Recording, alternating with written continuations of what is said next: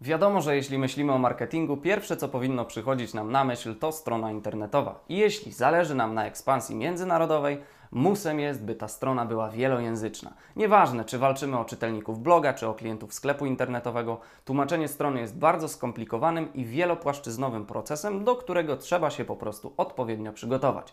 Pierwszym krokiem, jaki powinniśmy podjąć, jest oczywiście obejrzenie tego odcinka lub przeczytanie wpisu na naszym blogu, na który Was serdecznie zapraszam. Im bardziej rozbudowany serwis, tym więcej uwagi trzeba przyłożyć do tworzenia wielojęzycznej wersji.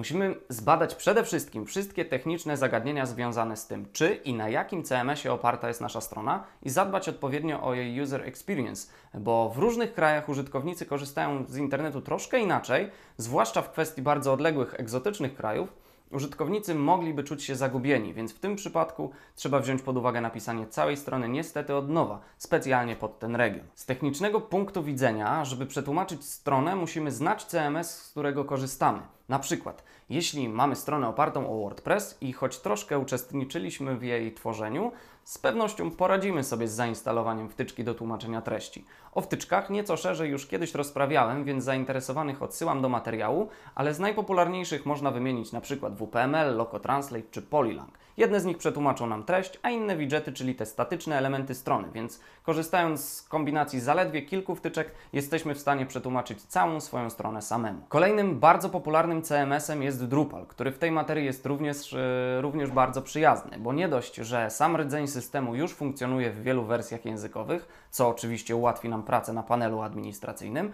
to jeszcze wraz z samą instalacją Drupala na serwerze dostajemy w pakiecie funkcję wielojęzyczności, więc po prostu wystarczy sobie dodać tłumaczoną treść i mamy gotowe. A jeśli chodzi o te statyczne elementy strony, to większość z nich mamy już przetłumaczone i dostępne za pośrednictwem społeczności Drupala, które pobieramy sobie w formie gotowców i wrzucamy na swój serwer. Jednak w przypadku, gdy tłumaczenia nie są dostępne na drupal.org, tu również sprawa może być bardzo prosta, po prostu pobieramy sobie pliki językowe ze swojego serwera, będą to pliki o rozszerzeniu PO i wysyłamy je do nas, zlecając nam e, ich tłumaczenie, a my odsyłamy Wam gotowe przetłumaczone pliki. Podobnie jest z WordPressem, tylko że tam pliki mają rozszerzenie PO i MO. Wracając na chwilę do Drupala, dość kłopotliwe może okazać się ręczne kopiowanie i wklejanie tłumaczeń dla każdej podstrony osobno, ale jest na to sposób. Z pomocą przychodzi nam taki moduł Translation Management Tool.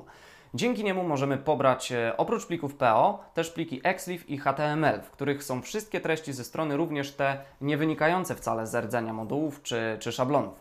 Takie pobrane pliki można również wysłać do nas, a później profesjonalnie przetłumaczone wgrać z powrotem na swój serwer. Przejdźmy teraz do kwestii języków, na które warto i nie warto tłumaczyć. Decyzja jest bardzo indywidualna, ale zanim ją podejmiemy, warto odpowiedzieć sobie na kilka podstawowych pytań.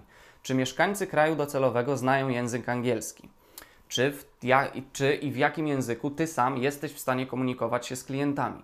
Czy masz budżet na kilka języków? Oraz na przykład jakie są ewentualne ograniczenia technologiczne. To są kluczowe tematy, bo na przykład po co tłumaczyć stronę na język niemiecki, kiedy nikt z naszego zespołu nie będzie się w stanie z Niemcami komunikować? Albo na przykład wypompujemy budżet na tłumaczenie na język, którego użytkownicy nie będą zainteresowani naszymi treściami. Zlecając takie tłumaczenie komuś, powinniśmy przede wszystkim przyłożyć uwagę do tego, jak tłumaczone są hasła marketingowe i opisy produktów, które bardzo często zawierają różne gry słowne, które funkcjonują tylko w jednym ojczystym języku. Z, z, pomocą tutaj przyjdzie nam zabieg transkreacji, czyli kreatywnego tłumaczenia, które uwzględni wszystkie różnice kulturowe i dopasuje treści do zagranicznych odbiorców. Drugą rzeczą są tłumaczenia SEO, czyli właściwe tłumaczenie najważniejszych słów kluczowych, pamiętając jednocześnie, że w różnych krajach są różne największe słowa kluczowe. Na kanale też znajdziecie obszerny odcinek instruktażowy o wtyczkach do tłumaczenia i osobny odcinek poświęcony tej, tejże właśnie transkreacji. Tym samym dziękuję Wam bardzo za uwagę i zapraszam Was w kolejny czwartek na następną porcję wiedzy. Do zobaczenia!